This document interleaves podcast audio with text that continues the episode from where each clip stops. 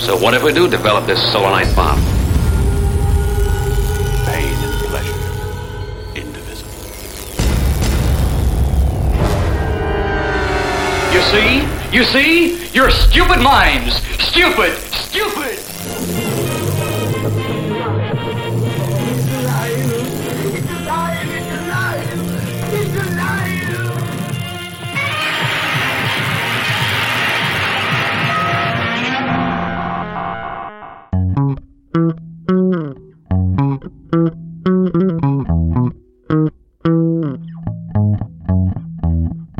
Dzień dobry, dobry wieczór, z tej strony Rafał Siciński. I Dawid Gryza. Słuchacie audycji Kocham Dziwne Kino.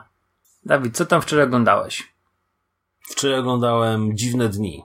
No patrz, ja też niedawno widziałem Dziwne Dni, może sobie porozmawiamy o nich. Spróbujmy. Dobra. Podobał ci ten film? Bo już któryś raz obejrzałeś chyba, co? No, mnie się ten film bardzo podoba od kiedy go po raz pierwszy widziałem, a widziałem go jak wyszedł u nas na kasetach wideo, bo w kinie na nim nie byłem. Eee, I no myślę, że oglądałem go z 10 razy. Wow. No mnie się mniej podoba. Obejrzałem go pierwszy raz w styczniu. Showmax odchodził z Polski i, i wziąłem sobie ten ostatni miesiąc mm, i obejrzałem parę rzeczy, których wcześniej nie widziałem. Właśnie między innymi z myślą brałem o Strange Days.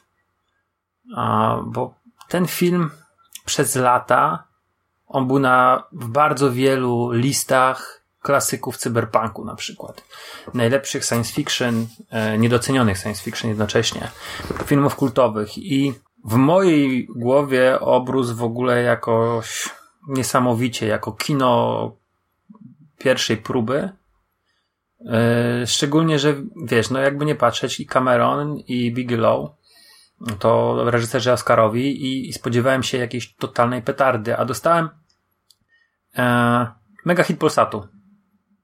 Tak mi się wydawało, przynajmniej może, mnie zmi- może zmienisz moje zdanie, może ja mam złe nastawienie do tego filmu. Ja często mam złe nastawienie, ktoś musi mi, Ale pokazać. no jakieś- dobra, mega hit Polsatu, to sprecyzuj to określenie. No wiesz, to są te blockbustery, które mm, jednocześnie są filmami no, wysokobudżetowymi, widać, że włożone są tam pieniądze, ale to jest kino takie bardzo rozrywkowe i bezpieczne, takie, że możesz puścić w poniedziałek o 20 w telewizji.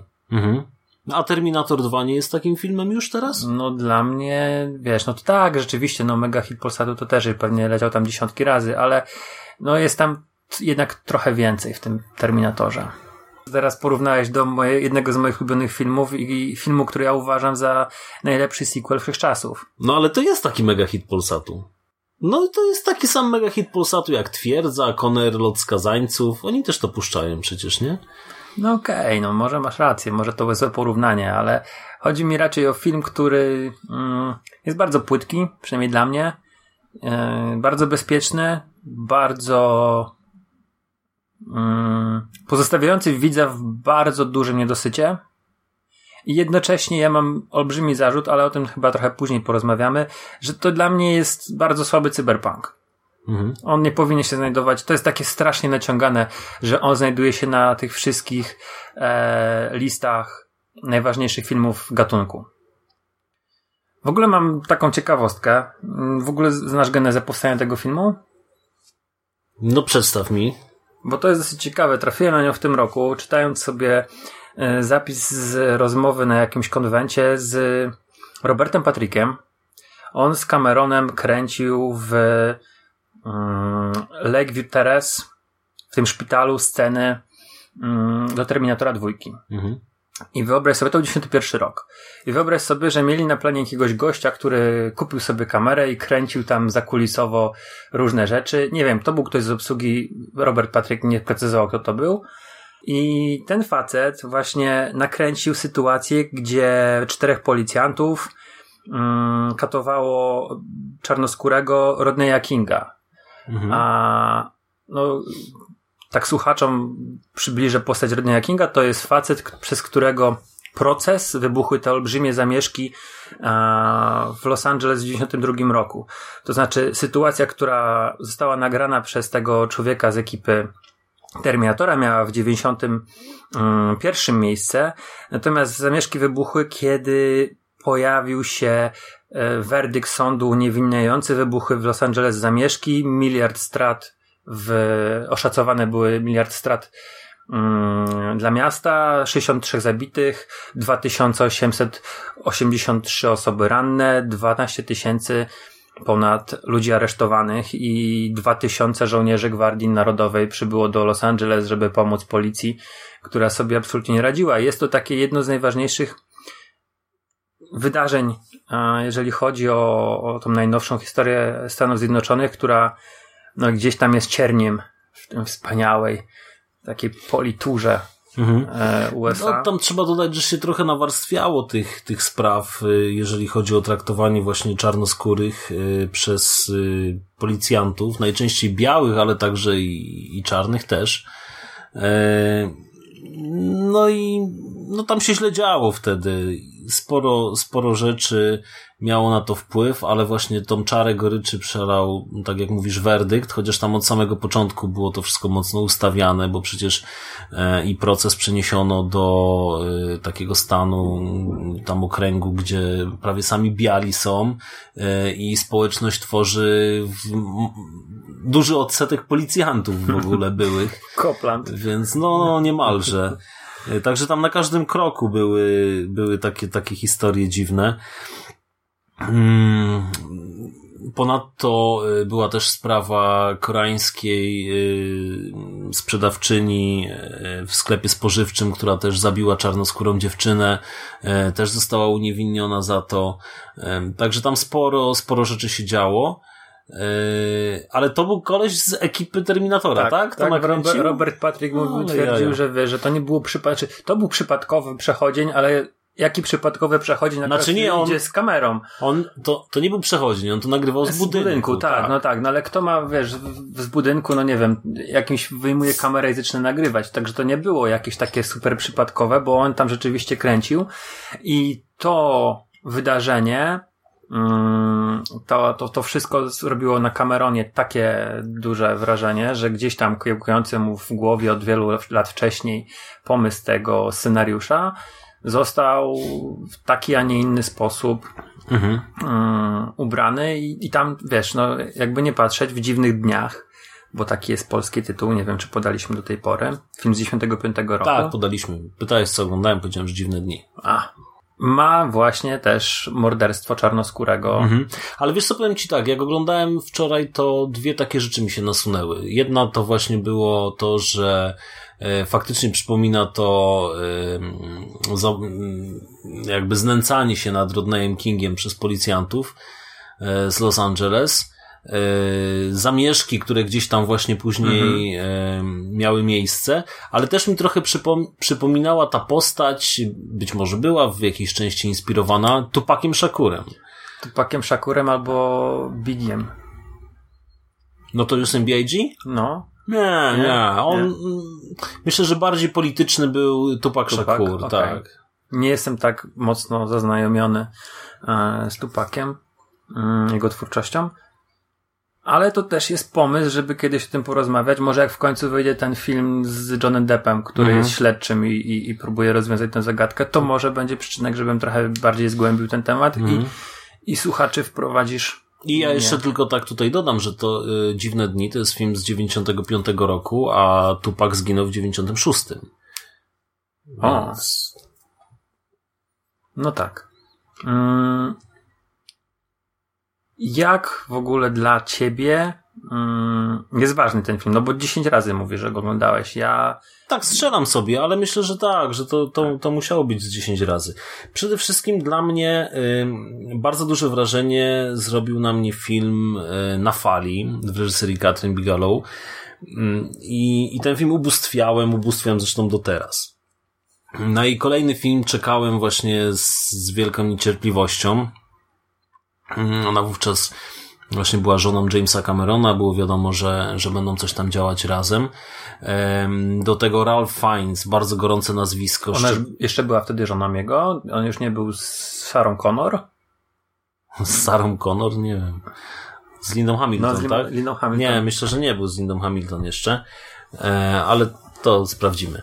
Mm, I Ralph Fiennes po liście Schindlera e, no, na mnie zrobił bardzo duże wrażenie w tym filmie.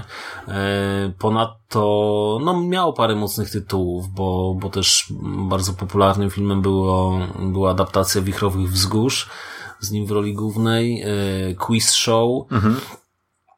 Także, także to był też aktor, którego y, wówczas śledziłem. Byłem ciekaw, w czym nowym zagra. I... Aż zagrał w angielskim ogrodniku. Tak, ale z tym angielskim pacjentem to powiem ci tak, ja y, jak byłem na nim w kinie, to się trochę wynudziłem, przyznam. Ale jak obejrzałem go po latach w, w pewnych takich okolicznościach, w których mógłbym się utożsamiać z tymi bohaterami, znaczy oczywiście nie, nie, nie zostałem oślepiony na wojnie, ani z, ym, no ale gdzieś tam w, leczyłem rany po złamanym sercu, to jakoś ten film bardziej do mnie dotarł i ym, myślę, że to jest ja sobie go z chęcią odświeżę, ten film. No pewnie nie, nie zrobimy o nim podcastu, ale, ale przypomnę sobie go. Natomiast y, wracając tutaj do, do dziwnych dni. E, tak jak wspominałem, nie byłem na nim w kinie, widziałem ten film dopiero na, na kasecie wideo, e, ale znałem już wcześniej ścieżkę dźwiękową, która bardzo mi się podobała, szczególnie zespół Skanga Nancy, który tutaj też y, pojawia się w filmie.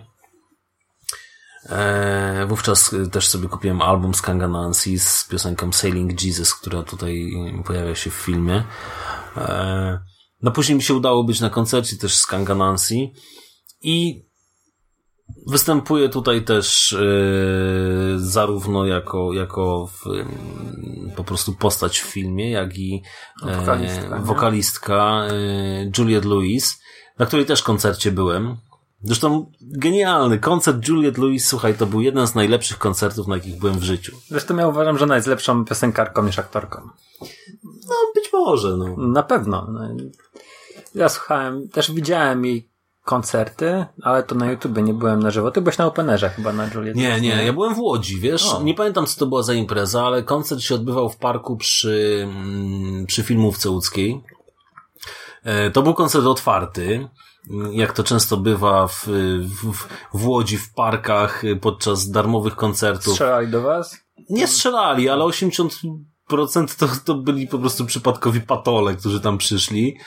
Ale jakaś taka dziwna, mm, sympatyczna atmosfera była, naprawdę nic się nikomu nie stało i, i ona była zadowolona.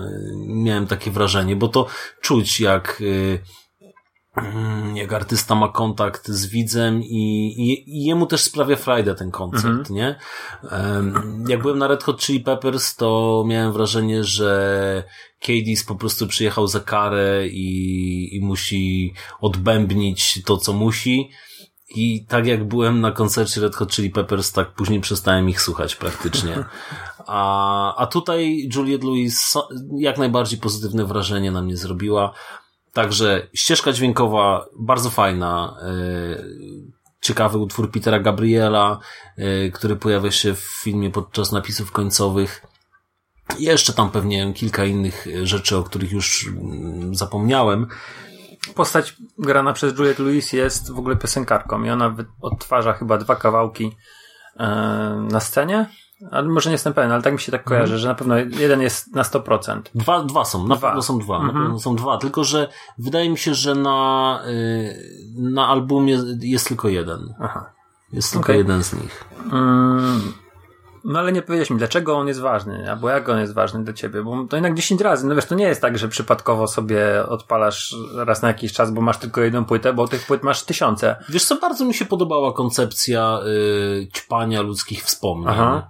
E, to, to było coś, co, co mi pasowało. No, y, Film został nakręcony w 95 roku, opowiada o takiej niedalekiej przyszłości, bo o przełomie e, 99 na, na rok 2000, e, czyli coś, co też być może wówczas jeszcze nie czuliśmy e, takiej atmosfery, takiego podekscytowania tym, tym przełomem milenium, jaka w sumie nasilała się z każdym kolejnym rokiem, aż w końcu, prawda, ta, a to w, w obawa no, tam o tej pluskwy milenijnej, tak, która miała po prostu za... zaorać ówczesny świat. Tak, wirtualny szczególnie. No, że właśnie miało nic nie działać, karty, banki, wszystko miało pierdolnąć. No nie stało się tak oczywiście. E, ale mm, tu w tym filmie nie, nie mamy takiej obawy. Mhm. Tu, tu ten temat jest jakby pomijany. Natomiast wydaje mi się, że, że ciekawym pomysłem na, na przeżywanie, y, na, na, na dostarczanie sobie e, jakiegoś tam haju e, było no właśnie przeżywanie jakby na nowo cudzych wspomnień za pomocą właśnie takiego specjalnego hełmu działającego na e, różne tam neurony, tak, do których są mhm. nałożone na głowę i, i e, dodatkowo mając zamknięte oczy możemy przeżywać jeszcze raz to, co e, ktoś, kto nam sprzedał e, albo może nie nam bezpośrednio, bo mówimy tutaj o, o jeszcze takim dealerze, tak, w którego wciela się Dealer właśnie wspomnień. Ralph Fiennes. Na mnie zrobiło gigantyczne wrażenie. W 2019 roku zrobiło na mnie sposób nakręcenia scen z oczu, bo mamy sekwencję z pierwszej osoby e, i to zrobiło na mnie piorunujące wrażenie. Jakiś czas temu um, oglądaliśmy ten, ten, ten krótki metraż Adji. Mhm tam też było z oczu. I on był fajny, ale oglądając te sekwencje, gdzie oni musieli wymyślić kamery, musieli wymyślić cały sposób nakręcenia tego, yy, zrobiło na mnie naprawdę to nie był pierwszy raz, gdy widziałem takie coś, bo na przykład w tym Bartkowiaka filmie ekranizacji gry komputerowej Doom jest taka scena, gdzie Karl Urban budzi się i, i, i z jego oczu jest prowadzona kamera przez jakiś czas. No ostatnio widzieliśmy to w Birdmanie czy w Zjawie. Mhm. E, gdzie, gdzie właśnie też oglądamy całe, bardzo długie sekwencje nakręcone tylko, że tam były dynamiczne. tutaj są bardzo dynamiczne. Tak, uciekają w ogóle, wiesz, przed policją, wbijają się na jakieś knajpy. Kurde, to wyglądało naprawdę świetnie i taki przedsmak tego przecież, przecież już był w, w na fali, tak? W Point Break, mhm. kiedy y, Keanu Reeves zgonił Patricka Swayze'ego y, po jednym z y, z napadów na bank. E, to była taka piesza gonitwa, e, gdzieś tam właśnie przez ogródki, przez mieszkania, e, skakali przez płoty i to była bardzo dynamiczna sekwencja, aczkolwiek nie była nakręcona w, w jednym ujęciu, ale mm, nie sprawdzałem, ale myślę, że to mógł być nawet ten sam operator w przypadku tych obu filmów. No ale zrobiło na mnie to bardzo duże wrażenie i w ogóle sam pomysł o zgrywania sobie wspomnień z, z tymi wszystkimi wrażeniami mm, słuchowymi, e, wzrokowymi, no chociażby wiesz, uprawianie seksu i zakładasz sobie tą siatkę na głowę i czujesz jak ktoś inny uprawia seks. Konceptem jest bardzo fajnym, ale to jest jedyny jinx, jedyna, jedyna rzecz, która mówi, że mamy jakąś przyszłość i to jest to jedyne zahaczenie, tak, znaczy może nie jedyne, bo jeszcze te nastroje społeczne, gdzieś tam mm, tam jest sprawiedliwość, skorumpowany rząd, tutaj przedstawiany jako policja, skorumpowana policja. Mm, to są jeszcze takie cechy cyberpunku, ale to jest jedyny Jinx, który łączy z gatunkiem i ja ci powiem, że bardzo w podobny sposób można nazwać Incepcję Nolana e, cyberpunkiem. Dlatego ja się tutaj bardzo zbraniam, znaczy, no co ja mogę mówić, ja się będę wzbraniał. No, wszyscy kwalifikują Strange Days jako cyberpunk, no i to już tak jest. Ale Incepcja ma ten sam po pomysł, nie? Podłączamy się do twojego snu i coś tam robimy. Poza tym, nie wiem czy pamiętasz, ale postać Saito, yy, on był szefem jakiegoś wielkiej, jakiejś wielkiej firmy. Yy, I oni włamywali się też do, do, do, do głowy gościa, który był synem faceta, który stworzył jeden z największych konglomeratów jakichś spółek e, wielkich korporacji, żeby tą korporację rozbić na kawałki.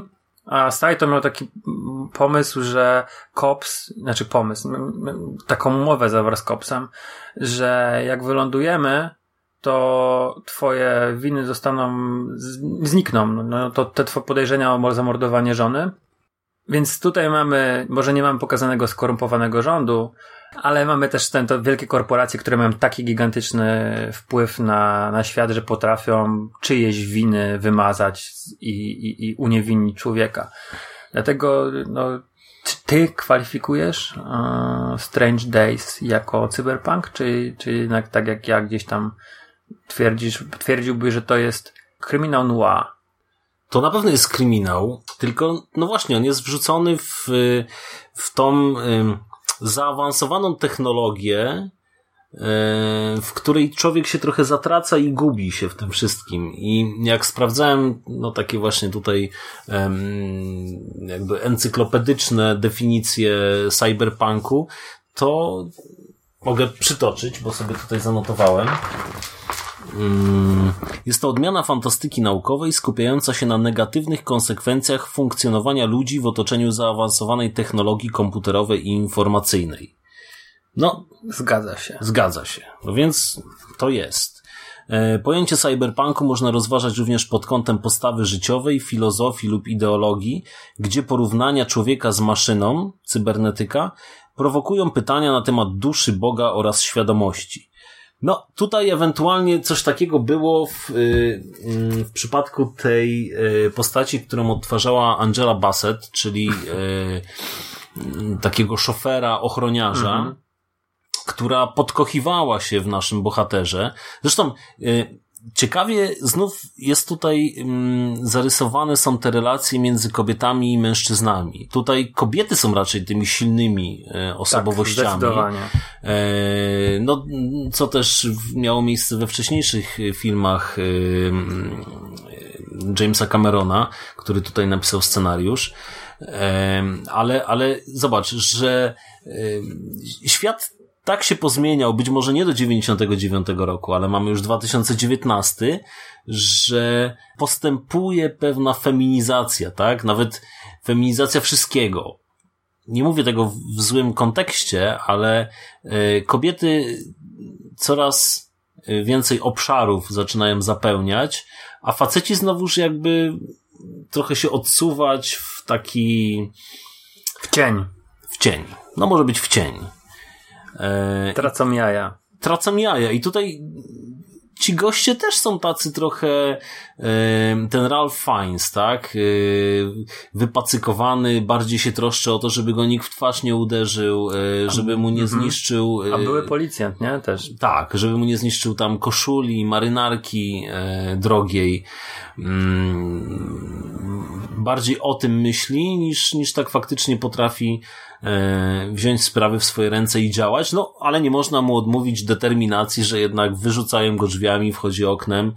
E, ale, ale właśnie, wracając jeszcze do, do y, postaci Angeli Bassett, to ona w pewnym momencie właśnie zarzuca y, temu naszemu bohaterowi, że on cały czas ogląda to samo wspomnienie, które nagrywał właśnie takie erotyczne chwile z Juliette Lewis, ze swoją byłą partnerką, która teraz odeszła do innego gościa, e, a, a nie pozwala, bo ona mówi, że prawdziwe wspomnienia z czasem bledną, tak? Mhm. Jak, jak stare zdjęcia, a, a taki film, który nagramy i, i, i to nawet nie sam film, tak? Bo tutaj dostarcza nam w stu procentach tych samych emocji, poprzez oglądanie tego przez ten hełm, e, że on tak naprawdę nie może jej zapomnieć, tak? Bo on cały czas to przeżywa z taką samą intensywnością na nowo.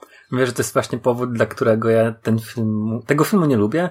Ten film mi się nie podobał, bo Lenny Nero, czyli ten Ralph Fiennes jest taką totalną fają, który, już nie mówię o tym właśnie takich cechach, mm, takich bardzo widocznych, e, tylko właśnie tego takiego jego e, złamanego serca. Przecież to jest żałosne, co on robi.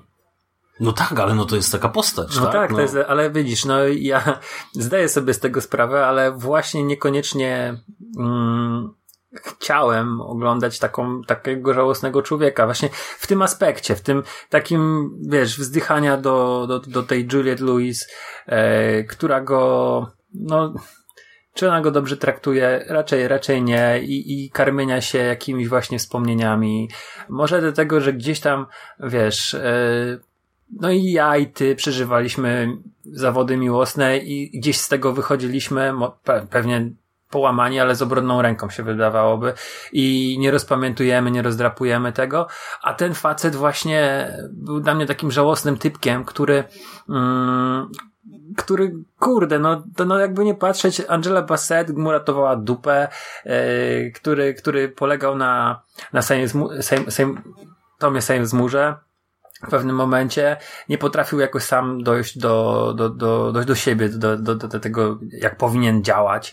E, ale właśnie Angela Bassett dla mnie uratowała ten film, jest najlepsza. Ale ja jeszcze powiem coś w, w takim Obronie. W obronie, bo y, właśnie nam łatwo jest y, zająć taką, y, taką pozycję, Bo nie jesteśmy uzależnieni od wspomnień.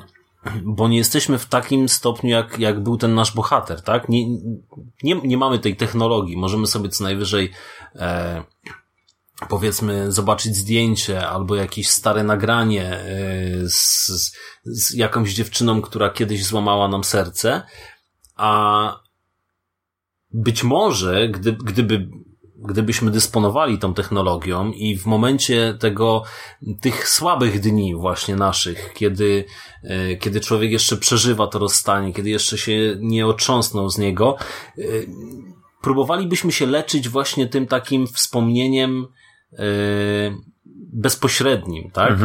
Czyli, czyli tym cały czas żywym. To, to właśnie, mam, mam tutaj wrażenie, że ten bohater po prostu, on w pewnym sensie też jest uzależniony od tych wspomnień, tak? Najbardziej jest uzależniony od tych wspomnień o, o tej swojej byłej ukochanej. To czyni z niego właśnie słabego człowieka, ale yy, w ten sposób można też rozpatrywać ten narkotyk, tak? Bo, bo to też mówimy o uzależnieniu. To nie jest, co prawda, od substancji, e, które wprowadzasz dożylnie, czy, czy jakoś do ale swojego które ciała. twój mózg. E, tylko tutaj właśnie, ale, ale też to jest coś, co wyniszcza człowieka, tak? Czyli jak każde uzależnienie prowadzi do, e, no, do osłabienia. W podstawówce miałem takiego kolegę, który się podduszał. Okej. Tak sobie to skojarzyłem, że wiesz, e, uzależniony był od tego. Ale podduszał się. Podduszał się ręką cały czas, gdzieś tam jak y, na lekcjach się podduszał, lekko tracił przytomność, wiesz. Mm, Nie sądzę, żeby to, bo to była podstawówka, to była siódma, ósma klasa, 13-14 lat, nie sądzę, żeby to miało jakiś, wiesz, podtekst erotyczny, Mhm. bo, bo ręki w spodniach nie trzymał. Mhm. Ale zawsze, gdy go, nie będę mówił imienia, Nie, nie, nie mów. A, ale zawsze, gdy, i on zresztą o tym mówił, mm, dosyć, dosyć pośrednio jak zapytałem wprost, nie? Dlaczego, dlaczego ciągle się trzymasz za gardło? Bo wiesz, że byłem tępym dzieckiem i nie wiedziałem, co on robi. A on mówi, wiesz, bo jak sobie tutaj przycisnę, to mi tak lekko się zaszumi w głowie i się robi fajnie. I on nie potrzebował, wiesz, palić fajek, znaczy palił podejrzewam, ale mm, wystarczyło mu to, że sobie może zrobić przyjemność podduszając się. No wiesz, siedząc w klasie ciężko było zapalić fajka, złapać się za szyję i poddusić. Myślę, że pani, pani nauczycielka by się nie skapnęła, co on tam robi. To tak a propos właśnie takich Ale nie drążmy tematu, bo ja też miałbym co do opowiadania w tej kwestii, ale pominijmy to. Okej. Czy zgodzisz się z tym, że to mogła być taka pokazanie na y, wyniszczający wpływ tego narkotyku na organizm? Okej, jestem w stanie się zgodzić. Masz rację tutaj. Nie patrzyłem na to z tej perspektywy. Raczej, wiesz, trochę też zbagatelizowałem, teraz jak o tym mówiłeś, zbagatelizowałem tę technologię, bo trochę, y, mimo że film sugeruje, że to są przeżycia, to ja jednak trochę to odbierałem jak oglądanie filmu. I wiesz, to, to jest, no, można przestać oglądać Mhm. a jednak gdzieś, no, te wszystkie mm, substancje, które się wydzielają e, w mózgu podczas jakichś przyjemnych rzeczy, no rzeczywiście one mogą uzależniać. I podejrzewam, że tak właśnie e, mój kolega miał, że się uzależnił od podduszania, bo gdzieś tam wydzielały mu się endorfiny, jak przyjemnie mu się robiło, jak tu odpływał. No, a tutaj mamy właśnie e, rejestrowanie różnych rzeczy, tak? Zresztą on, bohater Ralpha Fiennesa mówi, że tak naprawdę jest w stanie dostarczyć na zamówienie cokolwiek, tak? Cokolwiek mhm. cię kręci, on jest w stanie taki film dostarczyć. I tutaj tylko, że on ma taką zasadę, y, nie rozprowadza skoków w mrok, tak? Czyli, Snaf, mówisz. czyli tak, takich, takich właśnie takich snaf, czyli y, filmów, w których y, bohaterowie giną, tak? No a tutaj no, mamy do czynienia z takimi właśnie produkcjami, które on gdzieś tam też sam ogląda, zanim, zanim je gdzieś tam przekaże dalej. No i to też myślę, że tych, tych bohaterów stawia. Hmm oni cały czas są właśnie na takim, e, na takim dziwnym haju, tak? Bo e, łączą w sobie te, te traumy, te prześladowania, myślę, że tych osób, których e, wspomnienia oglądają, tak? Czyli mają, mają jakieś tam swoje, swoje życie, ale gdzieś tam doświadczając na przykład mm, emocji, podczas których no, bohater tego naszego y, filmu ginie lub ogląda czyjąś śmierć, a tutaj mamy nawet takie coś, że właśnie y, bohaterka ogląda własną śmierć, tak? Bo y, zabójca w taki perfidny sposób podłącza ją do swojego hełmu, że ona widzi, mhm. widzi jak on ją zabija. Czyli, no podejrzewam, że są to no takie emocje, E, że potrafią też trochę nasrać w głowie, nie? Tak mi się wydaje. I, i, i, i ten, ten, ten nasz bohater jest trochę taki właśnie z, mam wrażenie, że on jest przytłoczony tymi wszystkimi, e, tymi wszystkimi przeżyciami i na dodatek jeszcze właśnie cały czas jest ta, nakręca się na tą, na tą swoją byłą dziewczynę, nie może, cały czas jest w tym stanie takiego świeżego rozstania. Mhm. Tak mi się wydaje. Co powoduje, że jest taki właśnie, yy, taki odkryty, taki za bardzo wrażliwy może. Yy, dlatego broni go właśnie bohaterka grana przez Angelę Bassett ja to odebrałem po prostu. Ym, nie, nie starałem się zastąpić bohatera, którego ktoś mi wymyślił w jakiś sposób, jakimś tam swoim mhm, bohaterem. Obrazem, no. Bo znowuż zobacz. No, jak... Ale miałeś 9 seansów więcej ode mnie i też miałeś więcej czasu na oswojenie się z tym człowiekiem. Ja Trochę. Poza tym być może ty widziałeś ten film za późno trochę. Może Bo to tak jest jednak film sprzed ćwierć wieku, a ty go obejrzałeś dopiero teraz. To prawda. Aczkolwiek wiesz, ja nie mam problemu ze starymi filmami. Mhm. No ale mówię, może gdy go kiedyś powtórzę, to będzie taka sytuacja, że a, będę wiedział już więcej o finesie i będę mógł go po prostu się go, go śledzić i nie mieć jakichś oczekiwań wobec niego.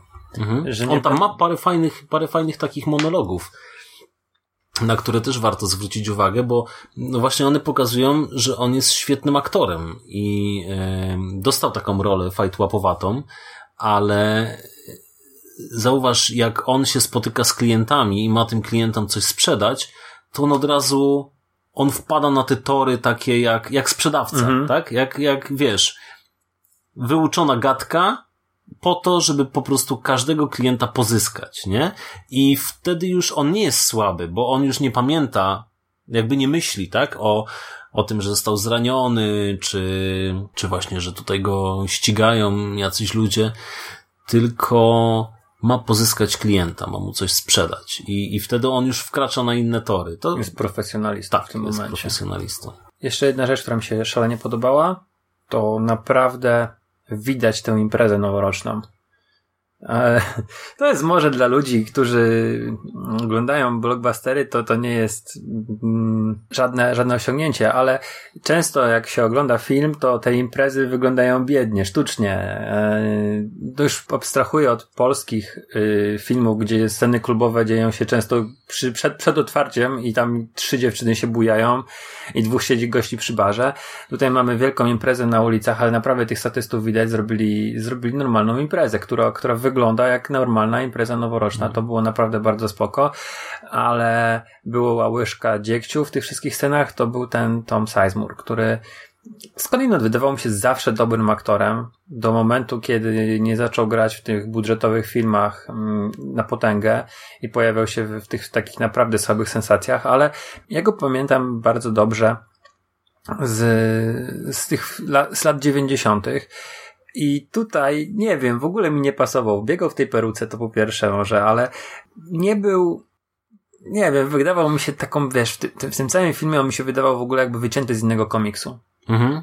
E... Tak, Tom Sizemore faktycznie tutaj y, zdecydowanie lepiej wypada jego, jego krótki epizod w Point Break, bo, bo tam też gra y, policjanta, który jako tajniak y, wchodzi tam do, do ekipy surfingowców, którzy tam, mm. nie wiem, czy handlują bronią, czy jakieś tam różne narkotykami, chyba też tam przy okazji. I, i zostaje, no jakby zdekonspirowany przez, y, no nieudaną akcję, którą Keanu Reeves robi. I tam był krótki epizod, tam była dosłownie jedna scena, ale, ale wypadł tam znacznie fajniej. No i zresztą chyba w gorączce też mu nie możemy No tak, niczego. w gorączce był super, ja go bardzo lubię z takiego filmu ekranizacji powieści Relikt. To, mhm. to była książka Douglasa Prestona Lincolna Childa, to był seria książek właściwie jest i, i on tam gra um, Da Coste, detektywa. To był chyba pierwszy film, jaki z nim widziałem. Oczywiście później był też Szeregowiec Ryan i tak dalej i całkiem sporo tych filmów, ale um, właśnie Gorączka i Sizemura um, gdzieś tam u mnie ukonstytuowała jako dobrego aktora, chyba pierwszy raz i najczęściej go oglądałem w Relikcie. To jest dobry aktor, to naprawdę był fajny aktor, e, charakterystyczny. No stylówka tutaj zawiodła. No, e, to naprawdę fryzura jest fryzura zła. Jest zła. Vincent D'Onofrio, który gra policjanta, on tam pokazał też klasę. Jest, jest do, ma dobrą rolę. Mhm. Ale to też jest dobry aktor. To jest dobry aktor, tak. Nie wiem, czy oglądałeś Netflixowskiego Daredevila? Eee, On tam gra Kingpina. Nie oglądałem. Ja mam do niego trochę do tej roli. Znaczy, w pierwszy sezon mi się szalenie podobał. Uważałem, że to była jedna z najfajniejszych y, ról y, z Woli komiksowych. W trzeciej w, w, popadał w taką karykaturę i przestałem. Y, znaczy, miałem problem straszny. Jak zacząłem to zauważać, pewne jego manieryzmy w roli i, i zaczęło mnie to denerwować ale generalnie też uważam, że to jest świetny aktor, a tu ma naprawdę fajną rolę, taką strasznie zapadającą w pamięć. Gdybym ja go obejrzał za dzieciaka, to bym się tego aktora później bał. Miałbym 10 lat, gdybym go oglądał premierowo, więc miałbym jeszcze, załapałbym się na okres, kiedy się bałem aktorów. On grał też y, Orsona Wellesa w filmie Ed Wood. Mhm. No, także ja polecam ci obejrzenie tego filmu jeszcze raz. E, nie wiem, czy od razu po tutaj po tym naszym podcaście, czy, czy może sobie zrobisz większą przerwę, ale no jakby spojrzenia na, na, na kilka tutaj elementów, o których wspominałem podczas naszej rozmowy. E, I nie myśl o tym jako megahicie Polsatu. Ale, znaczy tak, ten film jest długi, to prawda, bo on trwa 2,5 godziny i może momentami ta akcja y, trochę się ślimaczy, nie, nie jest tak skonstruowana, e, że właśnie akcja goni akcję, tylko, tylko mamy tutaj ta, trochę takich rozjazdów. Mm, natomiast ten film się trzyma kupy w całości i, i nawet ja bym go w zasadzie nie skracał. A wiesz, kto go montował? Nie. Podobno, nie jest to oficjalnie podane, ale podobno Cameron, tylko że on chyba nie występuje tutaj jako montażysta, bo nie był w gili montażystów. Mhm. I, I on wszedł i tam wie, znaczną część filmu montował a, dla Catherine Bigelow, ale to było związane właśnie z tym, że nie był w gildii i nie mógł występować w napisach. Chyba wiesz, to chodzi o te sprawy związkowe, mhm. także tutaj gdzieś w jakiś tam sposób to jest tylko taką tajemnicą Policznela. Wszyscy wiedzą, ale nikt o tym nie mówi oficjalnie. Mm, a jeszcze tak z ciekawości, bo Catherine Bigelow dostała Oscara za Hard Locker. A Avatar wtedy przegrał. To był śmieszny Mhm. pojedynek. A byłe małżeństwo spotkało się i Mhm. jakby nie patrzeć, no ona wygrała. Wygrał, wygrał lepszy. Wygrał lepszy. Ale masz jakiś point break? Rozumiem, że mm, Boże. Na fali rozumiem, że jest twoim ulubionym tej reżyserki filmem. Tak, to jest zdecydowanie ulubiony film tej reżyserki. E, A Near Dark oglądałeś? Tak, Ja tak. tego filmu właśnie jeszcze nie widziałem. Widziałem właściwie prawie wszystko i tego, tego Near Dark nie obejrzałem. A skądinąd wiem, że to jest yy, dla wielu uważany właśnie za, za film kultowy i za jej najlepsze dzieło. Mhm. No nie, ja, by, ja bym tego nawet. Wiesz co, tak samo bardzo lubię Dziwne Dni e, i bardzo lubię Hardlockera. Mhm. E, też go widziałem kilka razy. Uważam, że jest świetnym filmem. Near Dark jest, jest bardzo fajnym filmem o wampirach. E, tak jak mówisz, kultowym. Ale mimo wszystko tutaj jednak ja, ona się lepiej w tych sensacjach według mnie sprawdzała. Mhm. Zresztą później Wróg numer jeden, tak? To też Tak. był jej film. Ostatnio Detroit. Tak? Tego nie Detroit, widziałem akurat. Detroit też nie widziałem. Muszę Ale zobaczyć. wróg numer jeden był no całkiem okej, ale chyba jednak, jeżeli chodzi o wojenny, no to Hardlocker wyżej bym postawił. Nie wiem, czy jestem przekonany do końca. Mhm. Jest jeszcze parę rzeczy, które uważam, że mogli zrobić lepiej. Mhm. Przybliżyłem tą genezę, która jest, wiesz, z ust aktora, który grał w innym filmie. Mm, To są może jego gdybania. Może on też tego za dobrze nie pamięta. Jakby nie patrzeć, jest 2019, to kręci w 91 roku, prawie 30 lat. Ale wiesz, spodziewałbym się jednak e, po tym filmie, już znając teraz jego genezę, mm, którą poznałem, domniemaną genezę, No tak, Po- no po- jakiś pomysł, tak? tak, jakiś tam. pomysł, e, który poznałem już po obejrzeniu, to spodziewałbym się, że będzie tam jednak większy nacisk na te wątki społeczne, polityczne. Tutaj jest troszeczkę po macoszemu to traktowane. Mm, No bo to jednak. kryminał noir. Ale i wiesz, to jest opowieść skupiająca się na, na, na bohaterze. Trochę może dla mnie za mało science fiction. Może ten narkotyk, teraz mi jak to wszystko wytłumaczyłeś, to trochę inaczej na to patrzę. Jeszcze przed nagraniem, jak się daliśmy, to mam trochę inne podejście do tej technologii. Trochę inaczej mi to sprzedałeś. Nie wiem, czy właśnie film to dobrze sprzedaje w takim razie. Jeżeli ty musiałeś mi to wytłumaczyć, jak to jest silny narkotyk, albo musiał, może musiałbym jakąś recenzję, analizę przeczytać, bo ja tego nie odczułem, ale może nie dzisiaj, ale ten film powtórzę, też trochę dlatego, że ja nie zwróciłem specjalnie uwagi na muzykę. To znaczy, tak jak słyszeliście, słyszałeś, pamiętałem, że Julia Lewis wykonywała dwa utwory, ale nie byłem pewien, ale też Petera Gabriela nie wyłapałem. Mhm. No to jest taki, taki dziwny utwór z. y, y, Nawet nie wiem w jakim języku oni śpiewają. Bo to są takie eksperymenty Gabriela. Eee, No i widzisz, nawet ci nie powiem z kim on tam śpiewał. Akurat to jest już nieważne, ale nie zwróciłem Tam jest cały soundtrack fajny. Ja, Mhm. ja polecam. Ale nie zwróciłem uwagi na to, jak rozmawialiśmy właśnie przed e, nagraniem o muzyce i rozmawialiśmy o muzyce je- z 95 roku. Ja na przykład lepiej zapamiętałem soundtrack, ja tak strasznie zapamiętałem, z Mortal Kombat. A się śmiałem, że wiesz, że ja pamiętam z Mortal Kombat, a jednak tego, tego, tej muzyki tam nie zwracałem uwagi i może to też jest niesłuszne, bo jakby nie patrzeć, muzyka w tym filmie też myślę, że mocno buduje klimat. Nie jest tylko jakimś tłem, ale jest też, służy trochę jako chyba ilustracja tych wszystkich nastrojów i, i, i może to też jest moja wina w tym momencie. Ja myślę, że w połowie lat 90. e, sporo soundtracków mm, no było tak szczególnie dopieszczonych, tak? Były to wtedy czasy, kiedy MTV była jeszcze stacją muzyczną, a, a nie e, pokazywała tylko reality show. To się zmieniło trochę później, bo myślę, że, że jednak do końca XX wieku to mm, MTV dyktowało jeszcze wówczas jakiś, jakiś taki trend, takie, czy to e, zaczęły się pojawiać seriale animowane dla dorosłych, e, to myślę, że sporo, sporo ciekawych rzeczy wtedy, wtedy też powstawało. Zresztą bardzo wysokobudżetowe teledyski e, kręcono wtedy już coraz częściej, tak? To już nie była tylko domena Michaela Jacksona. Mm, no ale chociażby ostatnio widziałem teledysk e, zespołu Billa Paxtona, e, w którym Katrin Bigelow gra kowbojkę, a całość wyreżyserował James Cameron. Wow, nawet nie miałem pojęcia, że takie Lance coś. Henriksen się tam pojawia i jeszcze, jeszcze sporo innych postaci. Oni się chyba bardzo lubili. Paxton z no, Cameronem. Myślę, że tak. No tak samo jak, jak Tom Sizemore, tak samo się pojawia w filmach y, Catherine Bigelow. Mhm. Także to była jakaś tam ekipa, wiadomo, znajomych i no, to musisz zobaczyć ten teledysk. Okej. Czy Ja masz jeszcze również. może coś do dodania?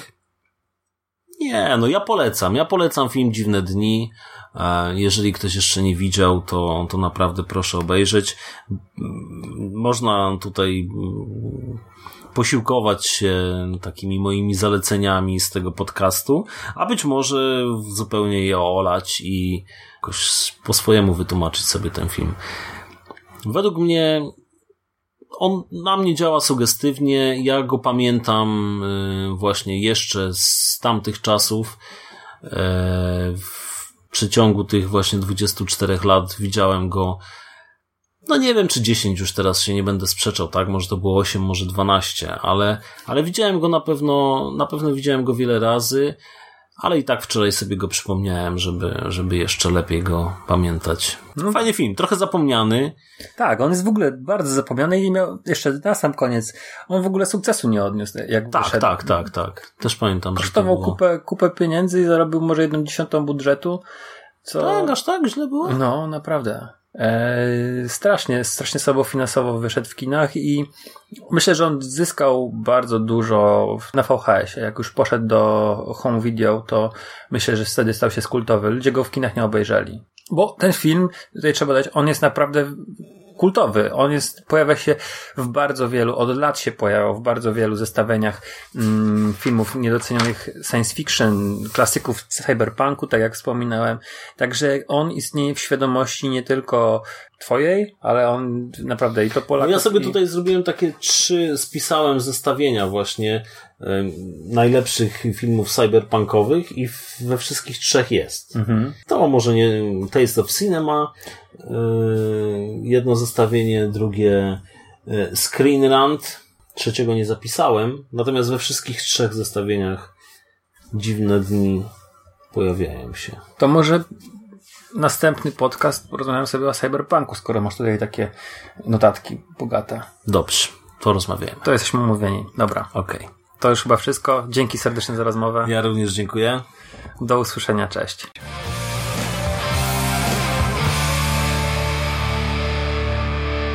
You finished? That's it, man. Game over, man. It's game over. What the fuck are we gonna do now? What are we gonna do? It's over. Nothing is over! Nothing! You just don't turn it off!